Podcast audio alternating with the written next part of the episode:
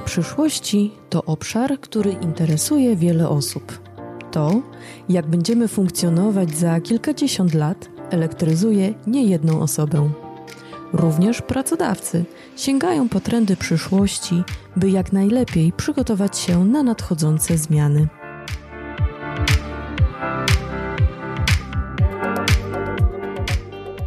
Jak i gdzie będziemy pracować za kilkanaście lat? Jak technologia będzie nam pomagać w pracy oraz przed jakimi wyzwaniami staną pracodawcy i pracownicy?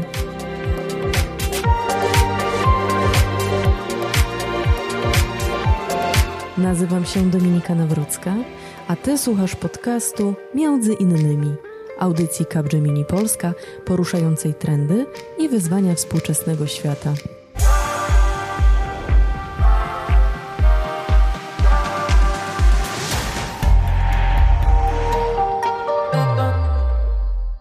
Moimi gośćmi są Aleksandra Trapp, Head of Trends w Instytucie InFuture oraz Maciej Kafel, menedżer w Capgemini w części Cloud Infrastructure Services, który w swojej pracy skupia się na integracji rozwiązań z wielu obszarów, np. IT czy HR, w celu cyfrowej transformacji miejsc pracy. Dzisiejszą naszą rozmowę chciałabym rozpocząć od wpływu, jaki technologia ma na pracę człowieka i przenieśmy się do Chin. E, gdyż tam w czapkach pracownikach zainstalowano czujniki, takie sensory fal mózgowych i dzięki tej technologii elektrody wykrywają zmęczenie, e, tudzież jakiś poziom znużenia, są w stanie monitorować tego pracownika. I chciałam Was zapytać, jak to będzie wyglądać według Waszych badań? Może zacznijmy od y, Oli. E, to rzeczywiście my mamy za sobą w InFuture Institute dwa raporty. Jeden dotyczy pracy przyszłości, drugi pracowników przyszłości. E, I wśród takich najważniejszych czynników, które zmieniają i wciąż będą zmieniać oblicze naszej pracy e, i najmocniej na nią wpłyną w przyszłości, wymieniane są zawsze czynniki technologiczne. No i to nas w żaden sposób nie dziwi, ponieważ i mobilność, i cyfryzacja już w dużej mierze przedefiniowały i zmieniły obecny rynek pracy, e, a w ciągu ostatnich kilkudziesięciu lat to właśnie e, taki wzrost, nie wiem, tańszej mocy obliczeniowej, e, obszar big data, automatyzacja wszystkich procesów, czy właśnie wszechobecność internetu ma olbrzymi wpływ nie tylko na pojedynczych pracowników, ale też na całe modele biznesowe, na funkcjonowanie całych firm. Więc rzeczywiście my korzystamy w pracy z aplikacji, z komunikatorów, z mediów społecznościowych, z oprogramowań, więc ta technologia absolutnie E, zmienia, zmienia rynek pracy, e, zmienia rynek, e, jak spojrzymy na dane, rynek produkcji. W ciągu ostatnich tylko 10 lat w produkcji, to są dane akurat ze Stanów Zjednoczonych, ale myślę, że one też wskazują na to, w jakim kierunku to idzie, zniknęło prawie 80% miejsc pracy. Więc taki radykalny spadek zatrudnienia w niektórych branżach jest widoczny. I z drugiej strony takie, mm, to co tam się dzieje, wpływa bardzo mocno mimo wszystko na przychody e, firm, więc firmy nie będą wycofywać się e, z tego, z tego kierunku. E, spójrzmy choćby na, choćby na Amazona, tak, który rzeczywiście ostatnio mówił, znaczy podał, że skróci, skraca cały czas cykl swojej wysyłki.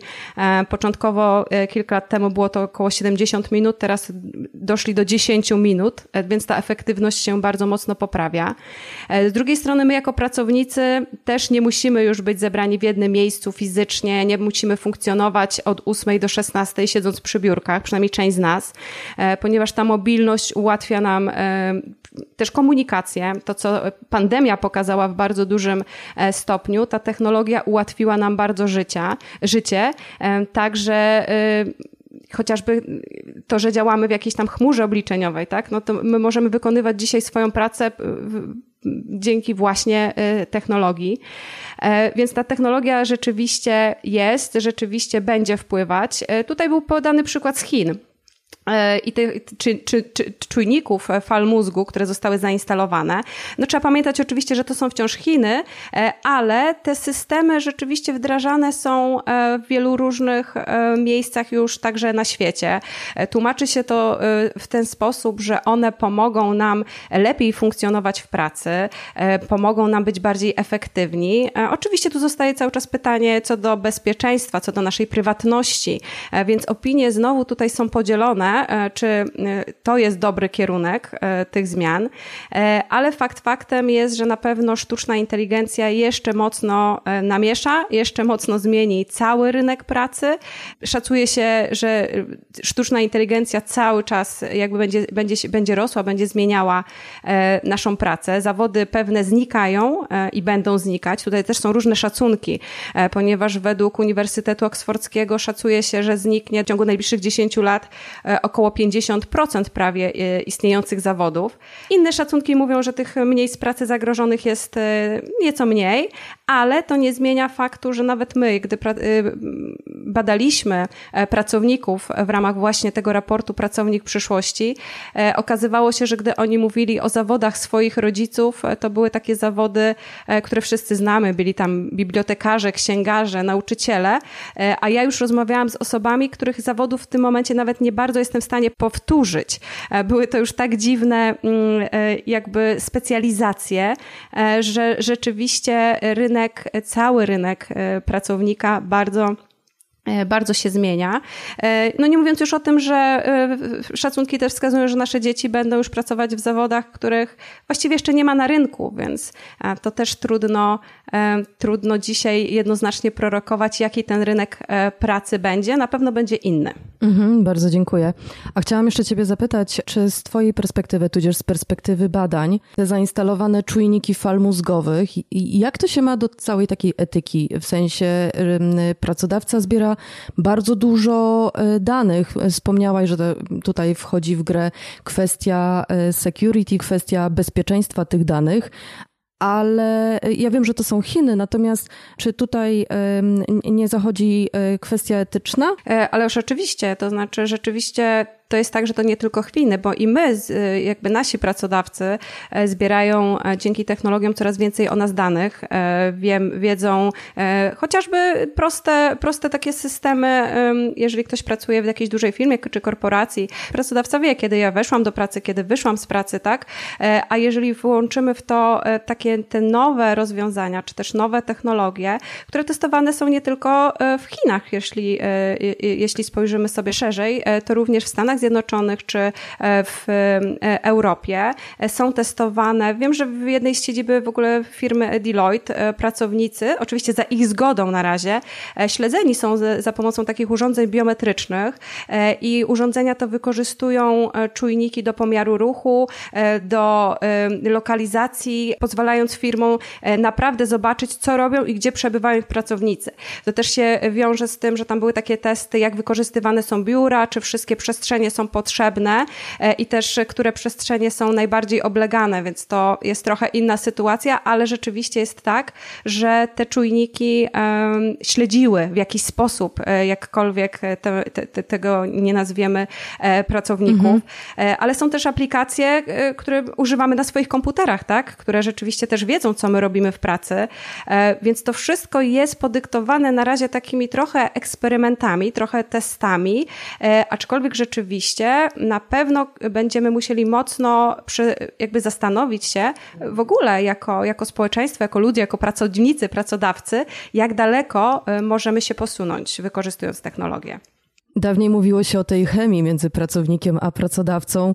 Rozumiem, że teraz to bardziej kwestia Big Brother i pracodawca wszystko wie, nie ma już tej tajemniczości, albo przynajmniej do tego zmierza. Maćku, dla ciebie technologia to jest szansa, czy może zagrożenie? Jak ty na to patrzysz? Wydaje mi się, że technologia na pewno trochę nas uwolniła, dała nam więcej jakby wolności i elastyczności, ponieważ rzeczywiście możemy pracować z różnych miejsc, nie wszystkie role jeszcze, no ale ponieważ ostatnio świat się zmienił z dnia na dzień i pewne role, które nigdy e, jakby nie zamierzały nawet e, być e, przypisane do pracy z domu, nagle okazało się, że ci ludzie i te role spokojnie jakby mogą z domu pracować i, i przez to mm, ta technologia, którą mamy i która, która kiedyś Niektórzy uważali, że, że mm, elastyczność i dostęp do danych, do aplikacji z każdego miejsca, z każdego urządzenia, to jest coś takiego E, bardziej, e, żeby dobrze mieć, ale nie jest to krytyczne. Nagle się okazało, że tego typu technologia, po pierwsze, to jest e,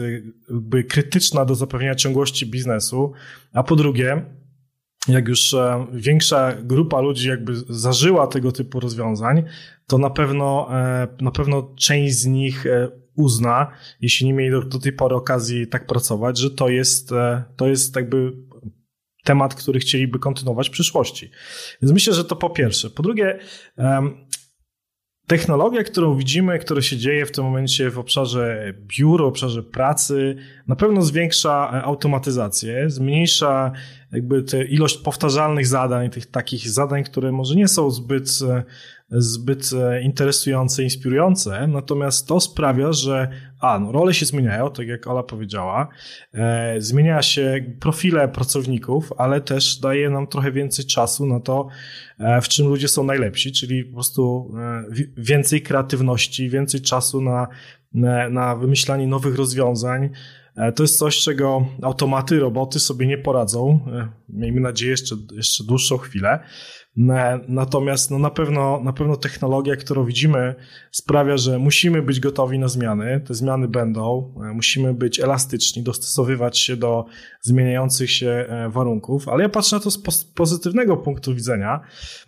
Po pierwsze, ta, te, te tematy związane z prywatnością i tak dalej. Oczywiście dla, dla firm i dla organizacji podejmowanie decyzji takich, e, takich e, bazujących na danych jest krytyczne. Natomiast to nie oznacza, że musimy dokładnie wiedzieć, kto personalnie, gdzie jest w biurze i tak dalej. To bardziej chodzi o rozpoznawanie trendów, czyli te dane są zanonimizowane. E, wobec tego to trochę redukuje ten temat e, związany z brakiem prywatności, czy też, e, czy też wpływem na to, że, że ten Brick Brother jest wszędzie i, e, i czujemy się osaczeni wręcz, tak? Czyli, czyli to jest, tutaj jest złoty środek, jakiś balans można osiągnąć. Na pewno, na pewno też to, co widzimy i to, co w technologii się dzieje obecnie, to to, że ona jest jest jej dużo, ale ona staje się coraz bardziej transparentna. Znaczy, my po prostu już jej po części nie widzimy, ona jest ukryta, ona pracuje dla nas, e, uwalniając jakby nas od pewnych zadań, od pewnych obowiązków i pomagając nam. Natomiast, e, natomiast e, ona, ona jest dla nas po prostu przejrzysta i to, jest, to są najlepiej zrobione systemy w, takim, w takiej sytuacji. No bo my jako użytkownicy, no, w sumie co tam jest pod spodem, nas mało interesuje. Widzimy wartość dla nas. Oczywiście Ola powiedziała jakby tutaj bardzo dużo ciekawych jakby faktów związanych z zmianą e, całego e, środowiska, jeśli chodzi o pracę. No i to się będzie działo, pewne stanowiska znikną na pewno i technologia w tym w cudzysłowie pomoże. Natomiast, natomiast to, to, co się tworzy i jakby zawsze świat wypełnia pustkę, tak? Więc, więc to, co się stworzy za chwilę, te nowe stanowiska, których ról już teraz czasami nie możemy wypowiedzieć, myślę, że myślę, że to jest ciągle przed nami i to jest bardzo ciekawe e, i to jest coś, co będziemy mieli okazję obserwować. E, myślę, że z zaciekawieniem, bo e, no bo przyszłość jest, jest ciekawa na pewno. Absolutnie jakby się zgadzam e, i być może w przyszłości rzeczywiście technologia czy sztuczna inteligencja wyeliminuje z rynku pracy niektóre zawody, ale dzisiaj trzeba pamiętać o tym i to być może należy podkreślić, że ta współpraca sztucznej inteligencji i człowieka daje dużo lepsze efekty.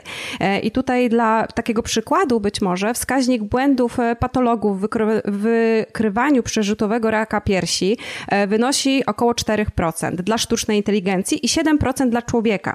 Ale gdy połączymy sztuczną inteligencję z człowiekiem, ten składnik błędu wynosi 0,5%.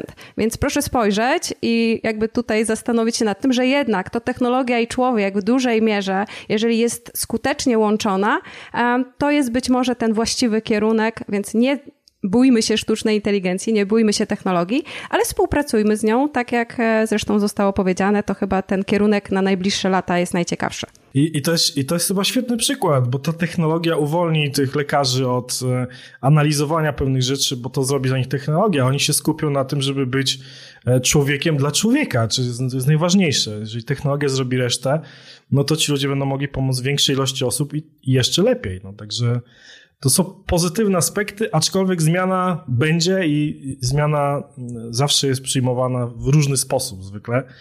Natomiast musimy być na nią gotowi. Do tematu jeszcze sztucznej inteligencji powrócimy, ale wyjdźmy od tego, e, jak będziemy pracować w przyszłości. I Olu, wspomniałaś o jednym z waszych raportów, Pracownik Przyszłości. Gdybyś mogła powiedzieć, no właśnie, Pracownik Przyszłości to znaczy kto i jak? To jest bardzo ciekawe pytanie, e, na które należy odpowiedzieć, chyba to zależy, e, ponieważ takich możliwych scenariuszy przyszłości mamy dzisiaj bardzo wiele.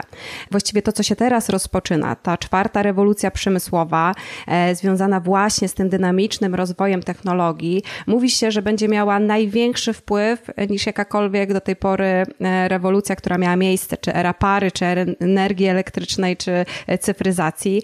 Więc na pewno zmieni się głęboko charakter samej pracy i na pewno przedefiniuje się całkowicie jej znaczenie. Naukowcy tutaj się spierają, badacze się spierają, w którym kierunku to nastąpi, czy te zmiany będą dobre, czy powinniśmy się obawiać, czy właśnie powinniśmy być do nich e, optymistycznie e, nastawieni. W naszych badań wynika, że wszyscy mamy świadomość tego, że one nastąpią. Tutaj pozostaje, tak jak mówię, pytanie, w którym kierunku one będą szły i w którym kierunku ta transformacja się potoczy, czy ona będzie korzystna, czy niekorzystna dla pracowników i pracodawców. Więc to jest, e, my, my, my, w swoim raporcie dlatego przygotowaliśmy różne scenariusze. E, patrząc na różne czynniki zmian, które teraz zachodzą, e, staraliśmy się połączyć je i wskazać jakby możliwe drogi, ponieważ w przyszło, znaczy badając przyszłość, to czego jesteśmy pewni, to nie jest tak, że przyszłość jest linearna, czy jak sobie wyobrażamy, że jesteśmy teraz w punkcie A, a za chwilę będziemy w punkcie B, no to tak nie działa. Mamy, mamy różne możliwe przyszłości, e, przyszłości, których chcemy, których się obawiamy. E, w związku z tym jest dobrze znać te scenariusze i wiedzieć, w którym kierunku e, powinniśmy iść, albo w którym kierunku chcemy iść, bo my kształtujemy e, naszą e, przyszłość, więc warto, warto to obserwować. To jakie to są te scenariusze? Scenariusze są, tak jak powiedziałam, bardzo, bardzo różne. Pierwszym z nich jest chociażby to, że w przyszłości właśnie automatyzacja, właśnie robotyzacja sprawi, że ludzie właściwie będą nie tylko pracować z nią ramię w ramię, ale też e, tak naprawdę e, będą e, coraz bardziej mieli, znaczy mieli coraz więcej wolnego czasu, ponieważ jeżeli rzeczywiście to technologia przejmie z naszych rąk tą taką żmudną pracę, my będziemy mieli więcej czasu dla siebie, tak? A jak będziemy mieli więcej czasu dla siebie, będziemy mieli czas na nowe kreatywne inicjatywy, będziemy mieli miejsce na to, żeby rzeczywiście pójść w kierunku naszych zainteresowań. E, I z jednej strony w tym scenariuszu spotykamy takich świadomych, kreatywnych ludzi chcących działać na rzecz, nie wiem, swoich społeczności, na rzecz środowiska, bo tutaj też e, kwestie środowiskowe oczywiście są ważne, ale z drugiej strony e, tutaj trzeba się zastanowić, ponieważ ta sytuacja może spowodować, że znajdą się osoby, które zostaną wykluczone z rynku pracy, które nie będą potrafiły się odnaleźć w nowej rzeczywistości, no bo też nie mówmy, znaczy to też nie jest tak, że każdy z nas nagle jakby jest na tyle samoświadomy, e, że będzie w stanie rzeczywiście w takim, e, w takim, takim świecie funkcjonować. Więc z drugiej strony to generuje rozwój takich obszarów związanych, nie wiem, z pomocą społeczną, z pomocą psychologiczną. E, być może tutaj staraliśmy się znaleźć też jakieś przykładowe zawody, tak? Trochę bawiliśmy się tą przyszłością. Jakich animatorów rozwoju, których zdanie, zadaniem właśnie będzie stymulowanie tych osób do znalezienia swojego powołania.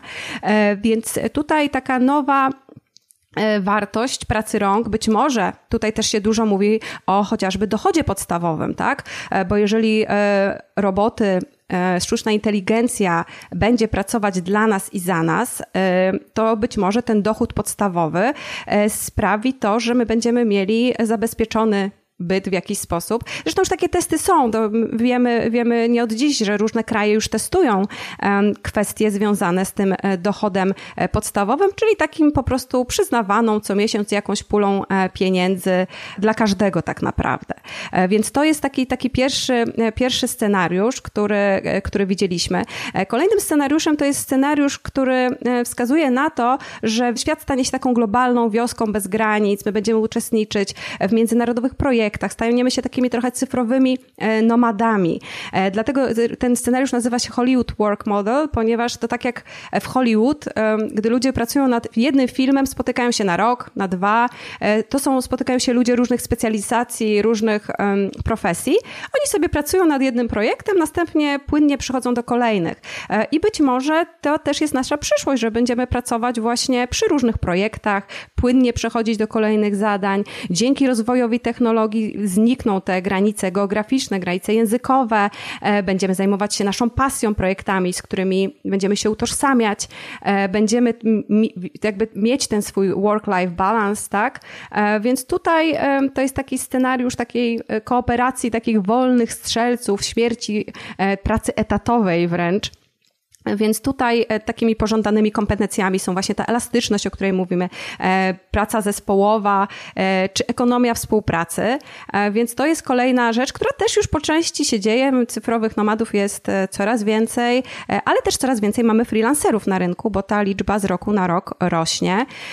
Trzecim scenariuszem to jest taki zoptymalizowany, pełny, znaczy świat oparty właściwie na pełnej kontroli. E, czyli tutaj wchodzą te algorytmy, które e, określają nasze kompetencje. E, wszystkie dane tele, czyli medyczne są znane. To jest trochę ta, ta historia z Chin, którą, o którą rozpoczęliśmy tą rozmowę, czyli światem rządzą urządzenia, zaawansowane aplikacje, parametry zdrowia są kontrolowane przez pracodawcę i mamy taki świat mocno kontrolowany, więc taka pełna optymalizacja i pełna kontrola mm, Chyba to jest taki najbardziej jednak e, czarny scenariusz, czyli tutaj mamy nasilenie cyberataków, pełną automatyzację pracy, e, pracę właśnie ramię w ramię z robotami, ale też kontrolę przez pracodawców. E, więc tu być może, i też pracę związaną ze starzejącym się społeczeństwem właściwie do samego końca, chyba tak to można nazwać, właściwie taki lifelong learning. I całe życie się uczymy i całe życie pracujemy. Z drugiej strony mamy też taką, taki scenariusz mocno środowiskowy, który pokazuje, że ludzie też idą e, w takim kierunku tak naprawdę. Właściwie jeżeli nie ma, e, planeta nasza jest zagrożona, powinniśmy w dużej mierze pracować dla jej dobra, więc wszyscy przestawiamy się trochę na taką filozofię, e, która ma wprowadzić regulacje mające na celu ograniczenie wpływu człowieka na planetę. I tutaj wszystkie innowacje, wszystko co robimy, wszystkie firmy idą w takim optymistycznym kierunku, żeby tą planetę mimo wszystko ratować. Innowacje technologiczne, w firmach restrykcyjne przestrzegane przestrzegane są normy, zasady związane właśnie z wpływem człowieka na naturę. E, I to też trochę już dzisiaj widać e, w firmach albo też takim e, odwrocie firm co do tego, że trzeba być jednak świadomym i środowiskowo i też społecznie.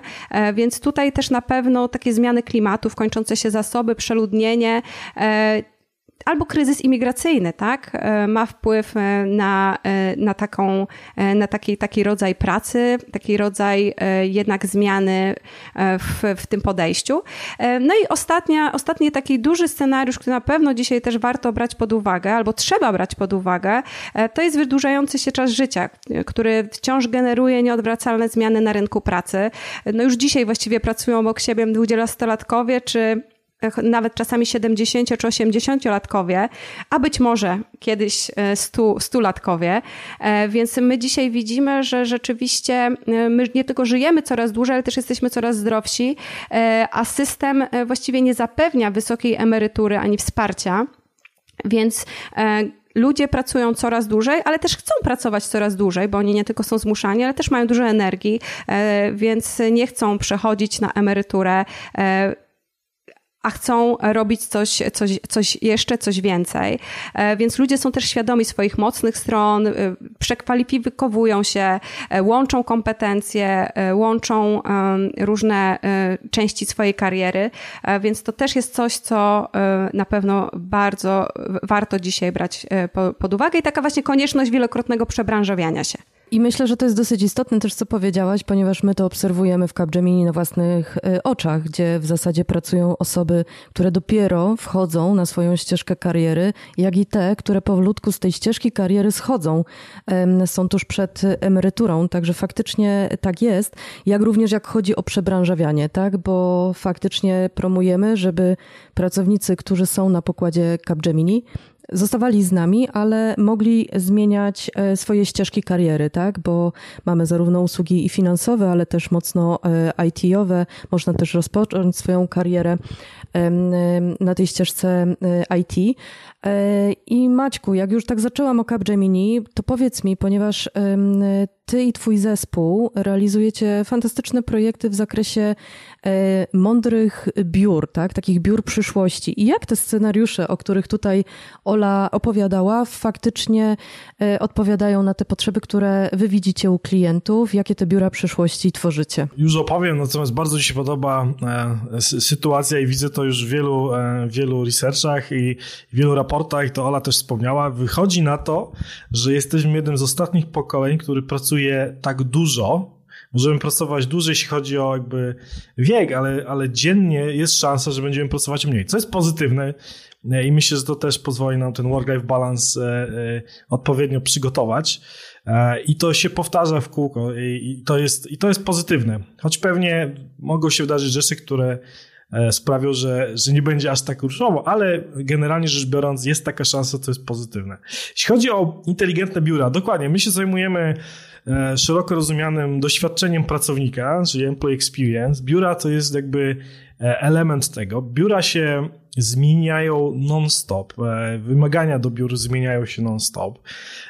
Biuro przetransformowało się, chcąc nie chcąc, trzy miesiące temu i się zmieni już, że to już nie będzie te biura, do których my wrócimy za chwilę, to już nie będą te same biura, z które opuściliśmy. Mm, my na pewno jakby planując te, te smart office, inteligentne biura, mm, my zaczynamy od zrozumienia użytkowników. I tak jak Ola wspomniała, jest kilka scenariuszy, ci użytkownicy się zmieniają, e, są różne grupy, mamy zwykle kilka pokoleń też w organizacji, to też trzeba, to też trzeba powiedzieć. E, generalnie rzecz biorąc, musimy zrozumieć potrzeby użytkowników i, i stworzyć takie podróże użytkowników, które, które adresują potrzeby, pewne też trendy, pewne oczekiwania, które użytkownicy mają. I to jest jakby najważniejsza część, bo widzimy technologię, którą e, e, można wdrożyć, a potem nikt z niej nie korzysta. Jeśli nikt z niej nie korzysta, no to są dwie opcje. Albo nie wiedzą jak, no to jeszcze można tutaj to w tym pomóc, albo rozwiązaliśmy problem, który nie istnieje. Wtedy to już jest duży problem. Dlatego my zawsze zaczynamy od zrozumienia użytkowników. I ci użytkownicy się zmieniają, to jest ciągły proces, ale trzeba to zrobić, bo bez tego ani rusz. No i teraz tak, jeśli chodzi o biura, no więc e, zaczynając od najważniejszych rzeczy, to one muszą być bezpieczne teraz, to jest szczególnie ważne, ale zawsze było ważne. E, muszą być inteligentne, instalujemy tam sensory, badamy jak ten e, wykorzystanie biur się zmienia, e, żeby optymalizować zużycie energii, żeby dynamicznie planować użycie przestrzeni, żeby też oszczędzać na, na wynajmie tych biur, ponieważ jeżeli spora część ludzi może pracować z domu, no to e, być może no nie ma sensu jakby inwestować w ogromną ilość space'u, być może lepiej zainwestować w home office experience i dać dodatkowe elementy e, naszym pracownikom, żeby mogły, mogli efektywnie i, i, i, w ergonomiczny sposób pracować z domu, tak? Czyli, czyli generalnie rzecz biorąc, e, patrzymy też na to, żeby, żeby E, te trendy użycia były przechwytywane bez e, wpływu negatywnego na prywatność, ale takie ogólne trendy, e, jakiś flow ludzi w biurze, które, element, które biurka są wykorzystywane, jak to wygląda, jeśli chodzi o wykorzystanie sal konferencyjnych, to się zmienia. Kiedyś były duże sale, teraz jest dużo, dużo więcej mniej, mniejszych sal, bo, biura, bo ludzie przychodzą do biur w innym celu niż kiedyś. Kiedyś przychodzili robić tak zwaną robotę, a teraz przychodzą kolaborować ze sobą, współpracować. Ta magia, gdzie ludzie się spotkają, teraz to nie jest do końca możliwe, ale, ale to się kiedyś skończy na całe szczęście i wrócą. Być może bardziej będziemy podróżować lokalnie, czyli do tych biur będziemy przyjeżdżać, spotkać się z naszym najbliższym zespołem, ale poprzez sale konferencyjne które są łatwe w użyciu i zapewniają świetny poziom i jakość zarówno głosu, dźwięku, jak i wideo. Będziemy w ten sposób bardziej współpracować z naszymi kolegami na całym świecie. E, dlatego, dlatego my się do, do, tego dostosowujemy, patrzymy jakby z klientami, co jest dla nich ważne, e, patrzymy, jakich mają użytkowników i, i projektujemy technologię, która jest prosta w użyciu, która jest, e, która oferuje interfejsy takie same, to generalnie nie ma problemu potem z adopcją, czyli nieważne, czy wejdziesz do sali A, B czy C, wiesz, co cię spotka.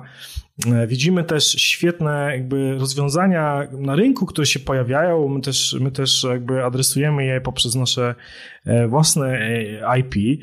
To są rozwiązania, które mm, agregują różne, różne technologie i agregują różne scenariusze wykorzystania i dają taki zunifikowany dostęp do pewnych usług pracownikom. To są aplikacje na przykład dla pracowników, które mm, tak naprawdę to całe biuro i ten cały experience pracownika integrują do postaci chociażby aplikacji mobilnej, która, e, która daje dostęp do różnych rozwiązań i zmienia się razem z pracownikiem, co jest też ważne, ponieważ e, no, do biur przychodzimy E, jakby jak, raz na jakiś czas, czy tak, czy, czy bardziej będziemy przychodzić właśnie kolaborować. Ja, e, one też pomagają utrzymać jakby kontakt z pracownikiem, tworząc kolejny taki kanał komunikacji z nim i też umożliwiając komunikację między pracownikami jakby peer-to-peer tak zwane, czyli, czyli oni między sobą też mogą w ten oto sposób się dostawać czy komunikować. Więc to jest jakby, to są te historie, zrozumieć użytkowników, wybrać technologię. Najróżniejsze technologie są dostępne, e, nie wpływając za bardzo na prywatność, ale, ale dając e, realne dane, z których organizacja może e, podjąć decyzję, w co inwestować, jak i jak to się zmienia, odpowiednio adresować te trendy, bo no bo to jest dynamiczne środowisko, tak? To jest bardzo dynamiczny, bardzo dynamiczny obszar. No i obec, obecnie pandemia, która się zdarzyła, no, no zdecydowanie sprawi, że zapewne będziemy mieli mniej przestrzeni biurowej, ale ta, która będzie, będzie bardziej taka smart, będzie bardziej inteligentna, e, z uwagi na to, że firmy na pewno będą chciały e, po pierwsze doinwestować home office experience, a po drugie, no skoro pracownicy pracują z domu, no to bez sensu trzymać puste biurka. E, to kosztuje, to wpływa negatywnie na planetę. Czy zatem biura przyszłości to jest taka symbioza z robotami, chatboty, wirtualni asystenci? Czy to jest już taka kwestia obecna i to nie jest przyszłość, tylko w zasadzie to jest coś, co się już wydarza? Dobre pytanie. Myślę, że to już jest coś, co, co mamy wokół nas, e, w zależności od tego, gdzie pracujemy. No w Capgemini mam chatbota, który, który jest de facto wszystkim w jednym, tak? Czyli jeżeli ja, mamy nowego pracownika i on ma jakieś pytania, w zasadzie wystarczy go skierować do chatbota i on wszystkie odpowiedzi tam znajdzie. E, to jest świetne, to jest część też onboardingu, żeby zrozumiał, więc, więc e, myślę, że to nie jest tylko dla, e, dla Capgemini, że tak powiem, standard, ale dla coraz większej ilości firm też takie chatboty wdrażamy dla naszych klientów. Czasami zaczynamy od tematów HR-owych, czasami od IT, ale to co widzimy, że ten chatboty się tak naprawdę łączą w całość i masz jednego, który oferuje naprawdę szerokie spektrum e, odpowiedzi i, i wspiera cię od początku do końca. Widzimy też chatboty, które one są, one są wokół nas. Te aplikacje chociażby dla pracowników, które, o których już wspomniałem, E, widzimy też taki trend, że nasi klienci chcą e, jako interfejs aplikacji mieć właśnie chatbota, czyli zamiast jakichś ikonek mamy po prostu alternatywny interfejs, który jest świetny dla części użytkowników, oni uwielbiają to, tego typu, e, że tak powiem, rozwiązania. To jest self-service, tam się dzieje wszystko szybko i zamiast aplikacji z normalnym interfejsem mam po prostu chatbota. Jeśli chodzi o roboty, no, są różne rozwiązania. Jeśli chodzi o biura, to Yeah. Nie wyobrażam sobie jakby w tym momencie jakiejś historii, że, że taki humano, humanoidalny robot siedzi obok nas na biurku i coś robi, ale w fabrykach już tak i widzieliśmy takie historie też w Chinach i w, w różnych, e, w różnych, e, że tak powiem, częściach świata, że, że część hali produkcyjnej to są ludzie, a część to są roboty i pracują obok siebie, ale my też mamy humanoidalne roboty, które już teraz na przykład wykorzystujemy w czasie wizy naszych klientów, które opowiadają część historii, które, które wspierają nas i po prostu pokazują e, technologię w akcji. I myślę, że tego typu jakby tematy związane też z, z customer service, czyli z zapewnieniem lepszej, lepszej jakości usług dla, dla, dla klientów szeroko rozumianych, to jest to, to, jest to gdzie, gdzie te roboty będą. W biurze też to, też to ma zastosowanie. Natomiast, e, natomiast no, przyszłość jest ciekawa zdecydowanie i, i to się zmienia ale chatboty są wszędzie. E, I, i, myślę, że, i myślę, że to tylko będzie trend, który, który, że tak powiem, będzie się poszerzał. Są producenci chatbotów, którzy mówią, że chatbot jest w stanie zamienić każdą aplikację, e, czy zastąpić każdą aplikację. E, po części to jest prawda. Pewnie nie do końca, ale, ale to jest hmm. tak, taki fakt, że, że w tą stronę wszystko zmierza żeby te chatboty były wszechobecne i są już powoli w coraz większej ilości firm. Podałeś przykład fabryk produkcyjnych i ja pamiętam, jakie duże na mnie zrobiło wrażenie. E, jedna fabryka motoryzacyjna, którą widziałam, to to naprawdę wyglądało imponująco. Hala z maszynami, hala z robotami zupełnie daleko wybiegała moje oczekiwania i na pewno te skojarzenia, które miałam jeszcze z jakichś dawnych czasów. Olu, e, a co futurolodzy mówią, jak chodzi o te biura przyszłości, czy w ogóle o budynki przyszłości, bo myślę, że tutaj e, Maciek skupił się bardzo pięknie na technologii, a e, mam pytanie, czy jakby przyszłość samą tutaj technologią żyje, a co z tymi strefami well-being, czy one jeszcze w ogóle mają sens, czy, czy, czy raczej w dobie pandemii nie ma to większego znaczenia?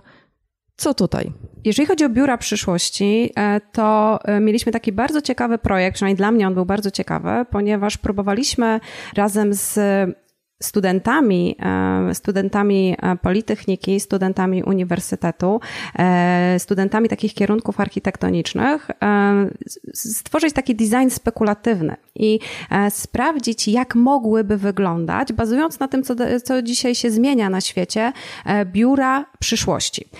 Takie futurystyczne, nawet niektóre projekty można zobaczyć, one są do ściągnięcia na naszej stronie, więc jeżeli kogoś to interesuje, to serdecznie zapraszam, bo niektóre są naprawdę bardzo bardzo, e, bardzo ciekawe.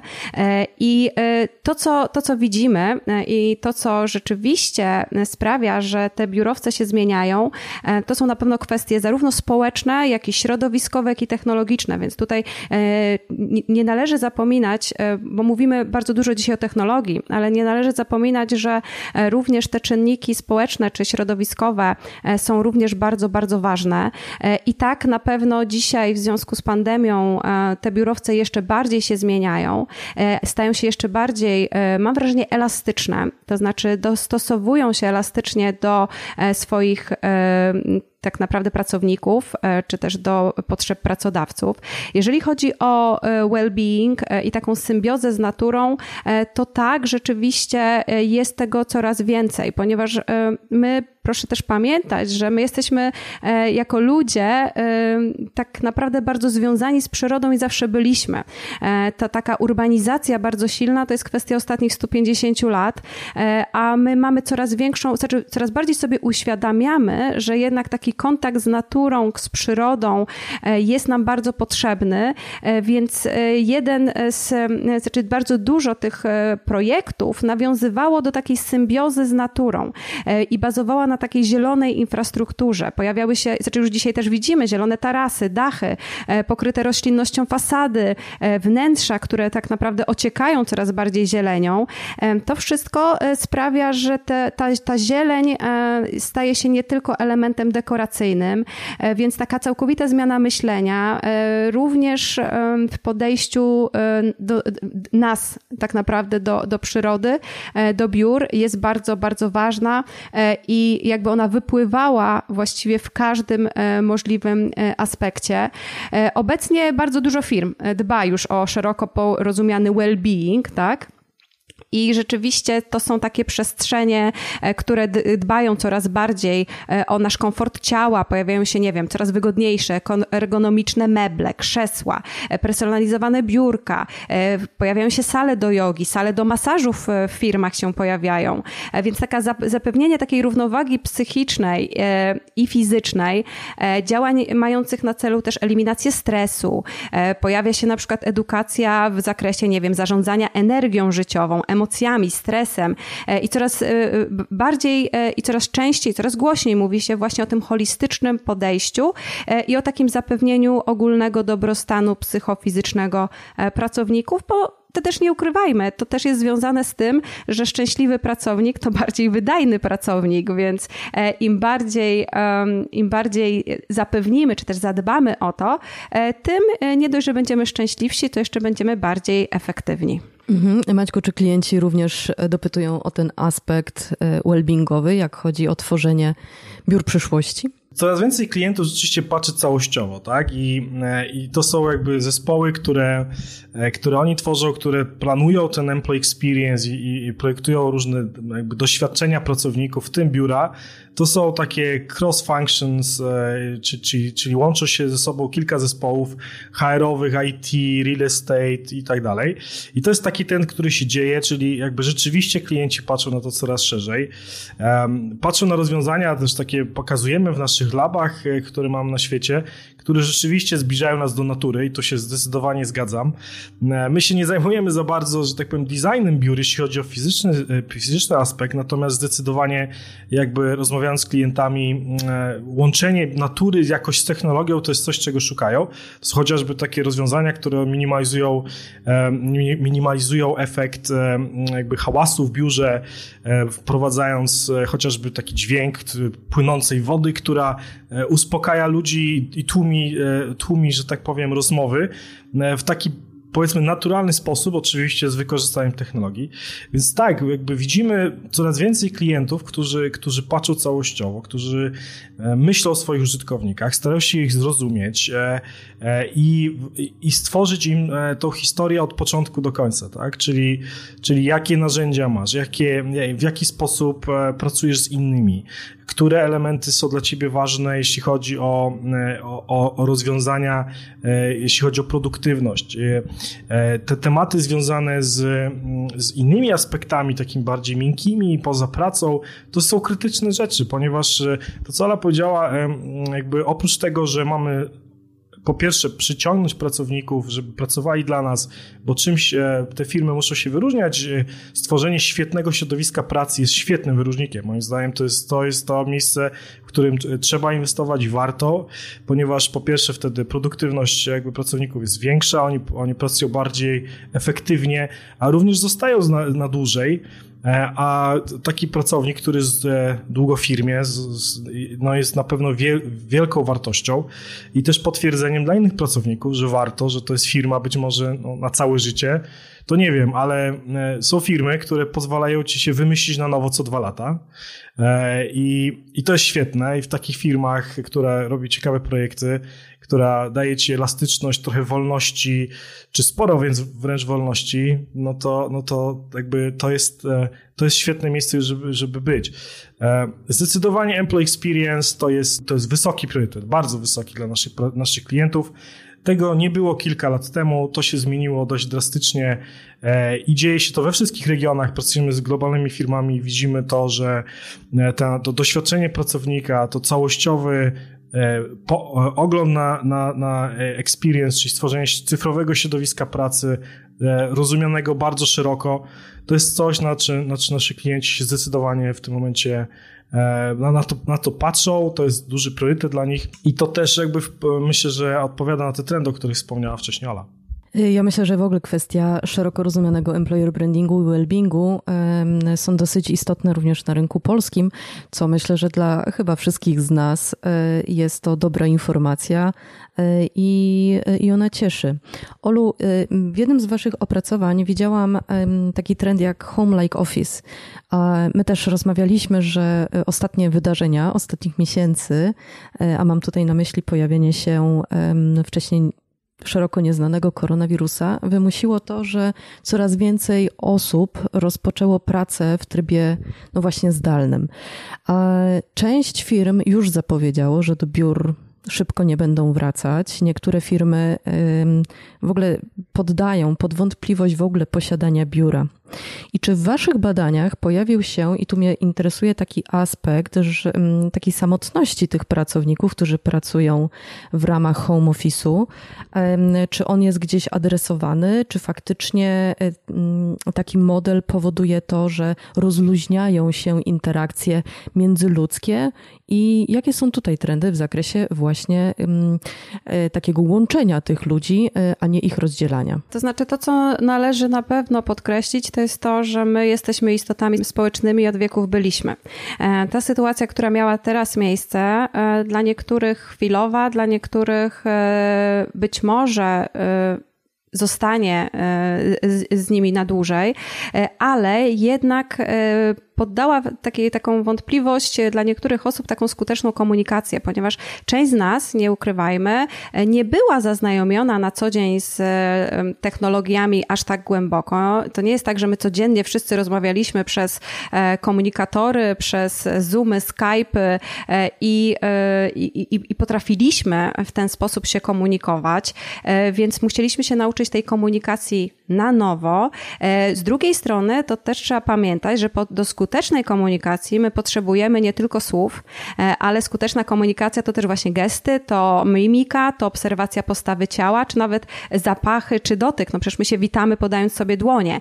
E, to co prawda nie są odkrycia, ale z drugiej strony to zostało bardzo mocno tak naprawdę zachwiane przez te ostatnie miesiące, e, więc e, rzeczywiście e, część osób się w tym doskonale odnalazła, część nie do końca, więc wydaje mi się, że firmy stoją w tym momencie przed różnymi wyzwaniami i to już widać też na rynku. Część rzeczywiście decyduje się być może na takie mieszane modele, to znaczy być może będziemy pracować, nie wiem, dwa, trzy dni z, biura, kolejne, kolejne dni będziemy mogli sobie e, przejść na home office, e, więc tutaj bywa, bywa różnie, ale to co, to, to, co zostało też powiedziane, to znaczy być może też biura będą musiały bardzo mocno się zmienić, e, być bardziej elastyczne, a część biur się duży, bardzo mocno zmniejszy.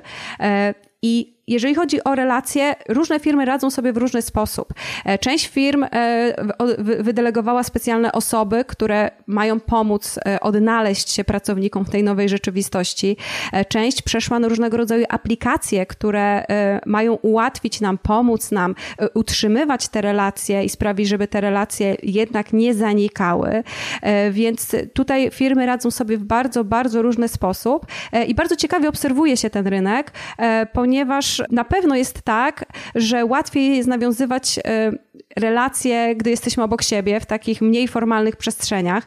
E, tu wspomniałaś o e, tym trendzie home like office. To rzeczywiście takie udomowienie przestrzeni, które widzimy na, w przeciągu ostatnich lat i to tak naprawdę nie tylko w biurach, ale wszędzie, w urzędach, w hotelach, w restauracjach, który ma wpłynąć na między innymi nawiązywanie takich mniej formalnych i wartościowych relacji poza domem, e, też wynika z takiej, takiej naszej po prostu naszego pośpiechu, z tej kultury nanosekundy, z, tym, z tego otoczenia technologiami, e, żebyśmy nauczyli się też te wartościowe relacje, które są nam niezbędne i w życiu codziennym, i w pracy e, budować. Więc to, taki, to, to jest tak naprawdę rzeczywiście bardzo ciekawy temat, który wciąż się rozwija i który wciąż należy obserwować. I to, o czym należy pamiętać, to jest to, że jednak my jako ludzie, każdy z nas jest inny.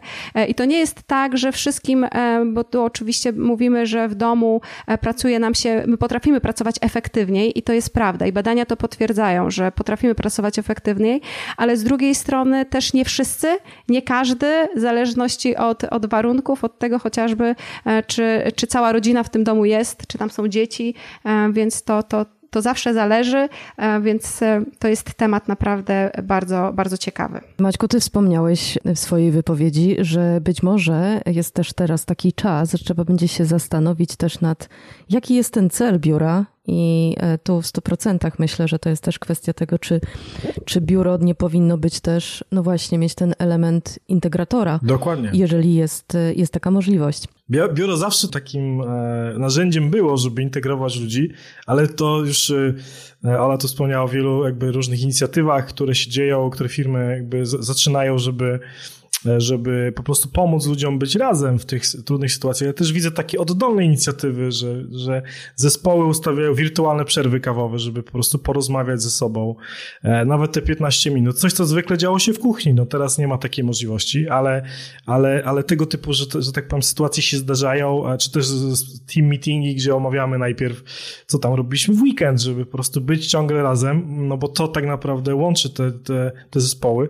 Więc, e, więc tak, duże zmiany, e, ale, ale to jest ciągle nienapisana historia, która, która się objawi pewnie niebawem, ale no zdecydowanie to, to co, do czego wrócimy, będzie zupełnie inne, czy trochę inne w, różny, w różnym przypadku od tego, co, co, co opuściliśmy jeszcze trzy miesiące temu. To jest niemożliwe wręcz do wyobrażenia, jakbyśmy o tym rozmawiali w styczniu, ale tak jak powiedział Satya Nadella, e, trzy miesiące zdarzyło się dwa lata cyfrowej transformacji, tak? I to, mm. jest, i to jest coś, co zmieniło świat e, na zawsze e, z wszystkimi konsekwencjami tej sytuacji. Konkludując naszą dzisiejszą rozmowę, mam nadzieję, że się zgodzicie ze mną, mówiąc, że technologia jest sprzymierzeńcem, ale jednak kwestia uważności na drugą osobę, e, na jej potrzeby i na komunikację jakkolwiek tego nie nazwiemy, to jest coś, co się nie zmieni i jest to bardzo nasze i bardzo takie ludzkie. Absolutnie tak, a ja bym chciała tylko podkreślić być może na koniec, że najlepszym sposobem na przewidzenie przyszłości jest jej współtworzenie.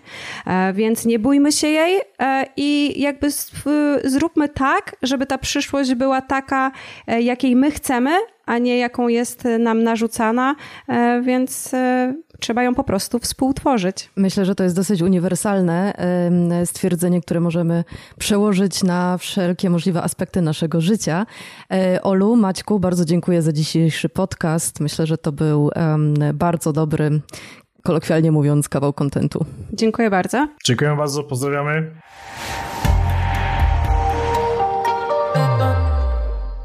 Podcast Capgemini Polska we współpracy z Earborn Media.